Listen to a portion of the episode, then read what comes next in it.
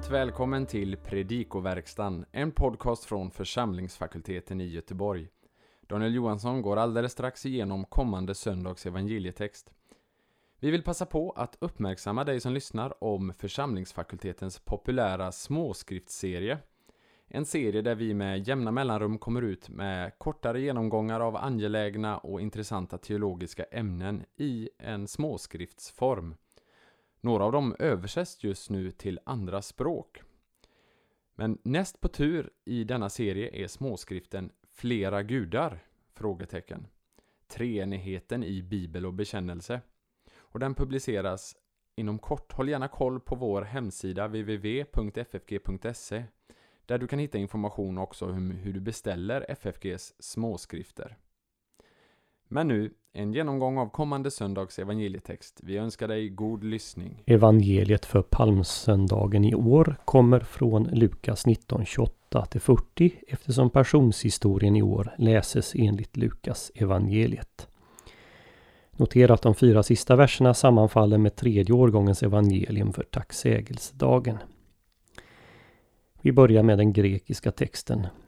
I den inledande versen noterar vi att adverbet emprosten fungerar just som adverb och inte som ofta som en preposition. Eh, det följs alltså inte av något objekt som de svenska översättningarna tycks antyda. Innebörden tillsammans med verbet eporeveto i imperfekt är antingen att Jesus gick före, underförstått de övriga som är med, eller att Jesus fortsatte sin färd framåt. Participet anabainon anger omständigheten för det, nämligen genom att gå upp till Jerusalem. Kai egeneto i nästa vers markerar att ett nytt avsnitt börjar. Och det hände.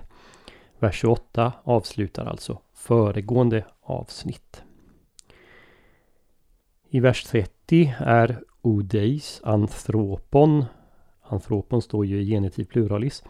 Eh, det här är en partitiv genitiv.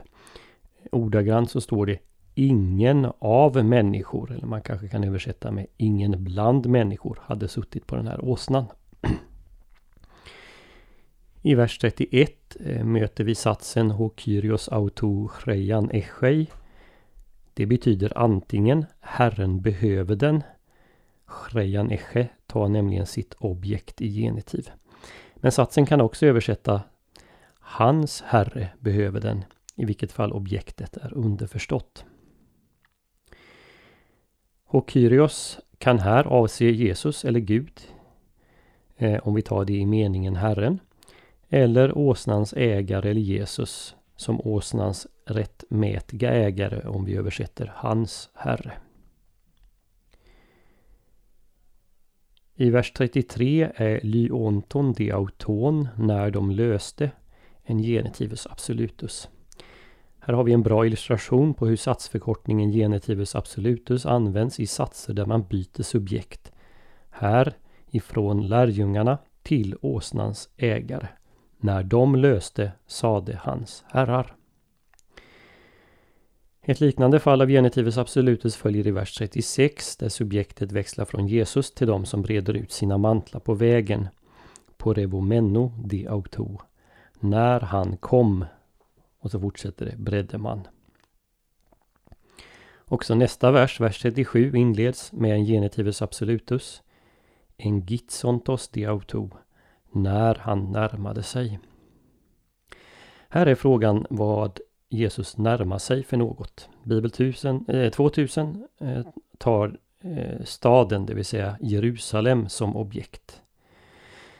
Man tar sedan Ede pros te katabasseitu oroston elaion som en fristående sats med ett underförstött vara som man översätter. Och han var på väg ner för Oljeberget. På det här sättet översätter också till exempel ISV. Men enligt BAGD, det stora lexikonet, anger Engitso plats när det följs av prepositionen pros, vilket det gör här. Alltså bör vi nog översätta Redan medan han närmade sig Olivbergets sluttning började och så vidare. Substantivet katabasis avser sluttningen ner mot staden. Jesus närmar sig alltså staden från Olivbergets västra sluttning på väg ner i Kidrondalen. Det är bara Lukas bland evangelisterna som ger denna geografiska detalj. Huvudverbet i vers 37 är ”Erxanto”, de började, och subjektet happantoplesos ton matheton, hela hopen av lärjungar. Hela hopen av lärjungar började prisa Aineo. Aineo är något av en lukansk favorit. Av de nio gånger det används i Nya Testamentet finns sju stycken i Lukas skrifter. 2.13, 2.20, 19.37, 24.53 i evangeliet och 2.47, 3, 8 och 9 i Apostlagärningarna. Eh, och alltid har Aineo prisa Gud som objekt. Sättet på vilket de prisade Gud bestäms på två sätt. Dels med participet chairontes, glädjande sig. Dels med ett instrumentalt dativ, foné megalä, med hög röst. Lärjungahopen prisade alltså under glädje Gud med hög röst. Notera här för övrigt att både huvudverbet erxanto, och participet chairontes står i pluralis fastän det grammatiska subjektet toplethos är singular. Lärjungar i pluralis underförstås som subjekt. Vidare står det att de prisar Gud, peri passon hon eidon dynamenon. Det är en lite ovanlig konstruktion som Lukas använder ibland. Se till exempel Lukas 1.4. Och vad som är ovanligt det är att relativpronomenet, här hon, är placerat före det ord som det syftar tillbaka på så att säga. Det är placerat eh, före, det syftar framåt istället. I det här fallet så är det dynameon som det syftar på. På engelska brukar man beteckna den här formen av sats för en internally headed relative clause. Att relativpronomenet markeras på detta sätt sker troligen för att intensifiera ett påstående. Man kan därför när man översätter med fördel förstärka satsen kanske så här. De prisade Gud för de otroliga kraftgärningar som de sett. Så går vi fram till vers 38. Evlegomenos ho erchomenos. Välsignande den som kommer. Citatet från Saltaren 118.26 börjar med två particip. Det första utan bestämd artikel, det är predikativt. Och det andra med bestämd artikel är substantiverad. Välsignad är, eller vare, han som kom. Sedan står H. Basilevs, konungen, i apposition till den kommande. Välsignad han som kommer, konungen. Lägg sedan märke till den kiastiska konstruktionen av frasen En orano eirene kai doxa en hypsistois. I himmelen frid och ära i det höga. I vers 39 översätter både Bibel 2000 och Folkbibeln 98 lite fritt. Säg åt dina lärjungar att sluta eller tiga. Epitimeson tois mafetaiso betyder tillrättavisa dina lärjungar eller som Folkbibeln 2015 Säg åt dina lärjungar. Läsningen avslutas med en tredje klassens konditionalsats. Ean hotoi eh, hoi lithoi kraxosin. Eh, den här konditionalsatsen har futurum indikativ i båda leden. Normalt sett är det så att det första ledet i tredje klassens konditionalsats har en konjunktiv men den kan ibland ersättas av futurum som är fallet här. Som framgår av notapparaten om du tittar i Nestlaland, eh, så föredrar en del avskrivare konjunktiv. I vilket fall är betydelsen om dessa tiger kommer stenarna att ropa. I Lukas evangeliets övergripande struktur har vi nu nått slutet av den reseberättelse som börjar i 951 och som ofta delas in i sju olika delar. Notera här hur 1928 återknyter till 951. En del menar att reseberättelsen slutar i 1928 innan förberedelserna för intåget som vi läser om i 929 och framåt. Lukas användning av verbet engitso som ju betyder närma sig. Först här i vers 29 och sedan i vers 37 och ytterligare en gång till i vers 41 talar ändå för att han är framme först i vers 45 och att hans verksamhet i Jerusalem börjar då. Jag tänker att 1928 ska snarast ses som en återanknytning till 951. En påminnelse om hur Jesus har vänt sitt ansikte mot Jerusalem och på väg dit. Och nu närmar vi oss klimax. I den här beskrivningen är det som om Lukas i slow motion tänjer ut på Jesu ankomst till staden så mycket han kan. Han närmar sig förorterna, Betfag och Betania. Han närmar sig Livberget. Han närmar sig staden. Vi kan dela in läsningen i tre delar. Först Jesus går mot Jerusalem, Lukas 18.28. Och sedan den andra delen förberedelse för Jesu intåg i Jerusalem i verserna 19 till 36 och så en tredje del reaktioner på Jesu intåg i de fyra sista verserna. Och de kan man i sin tur dela in i två delar. Först lärjungarnas reaktion i verserna 37 till 38 och sedan några fariseers reaktion i verserna 39 till 40. Lukas passar enligt min mening extra bra på palmsöndagen när vi befinner oss i fastetid och långfredagen närmar sig. Nämligen på grund av det som omedelbart följer på evangelieläsningen. Jesu gråt över Jerusalem i verserna 41-44. Det är mindre feststämning i Lukas än i något av de andra tre evangelierna. Notera hur både de två lärjungarna och folkmassan bereder väg för Herren. Ett tema som kommer från Jesaja 43 och som direkt citeras eller alluderas på på flera ställen i Lukas. Särskilt i Sakarias lovsång i 1.76 och sedan eh, när Johannes döparens verksamhet beskrivs i 3.4. Det är framförallt två gammaltestamentliga texter som finns i bakgrunden. Psalm 118.26 citeras, dock utan Hosianna-ropet, men med tillägget Konungen. Välsignad är han som kommer, Konungen. Fokus ligger här på salmen som kungasalm snarare än på salmen som pilgrimssång. Lukas omnämner inte de lövrika kvistarna i psalm 118.27 så som till exempel evangelisten Johannes eh, gör. Lukas beskrivning av det som sker, framförallt i vers 37, ansluter mer till den 14 och 15 versen av salmen och kanske inte minst den 24 versen där det står Detta är den dag som Herren har gjort, låt oss på den jubla och vara glada. Salmen tar även upp Herrens mäktiga gärningar som ju nämns av folket. Särskilt i verserna 15, 16 och 17. Till den gammaltestamentliga bakgrunden hör också naturligtvis Sakarja 9, verserna 9 till 10. Jesus rider på en åsna.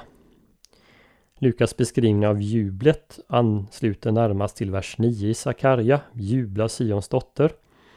Och i vers 10 omnämns både konungen och fridstemat i Sakarja, något som ju finns med i folkets sång.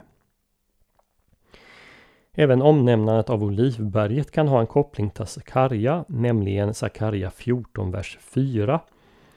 Även om det här inte står att Jesus står med sina fötter på Olivberget utan att han rider på det. Kanske det ligger närmare till hans att tänka på det andra omnämnandet av Olivberget i Gamla Testamentet, nämligen när David i Andra Samuelsboken 1530 gråtande går upp för Olivberget, alltså i motsatt riktning. Åtminstone i den vers som följer på vår läsning så tog det finnas en anspelning på det när Jesus på den här platsen gråter över Jerusalem. Förutom dessa gammaltestamentliga ekon finns det flera interna kopplingar i Lukas evangeliet. Ett genomgående tema i Lukas och Apostlagärningarna är att folk prisar Gud för de mäktiga gärningar som sker. I regel så att Jesus gör ett under och att folket stämmer upp i lov till Gud för det. Se till exempel på hur det går till när Jesus botar den lame mannen som kommer neddimpande genom taket eller den blinde vid Jeriko. Jag har noterat dessa och många fler sådana ställen i pdfen till den här podden som man kan finna på FFGs hemsida under fliken Predikoverkstan.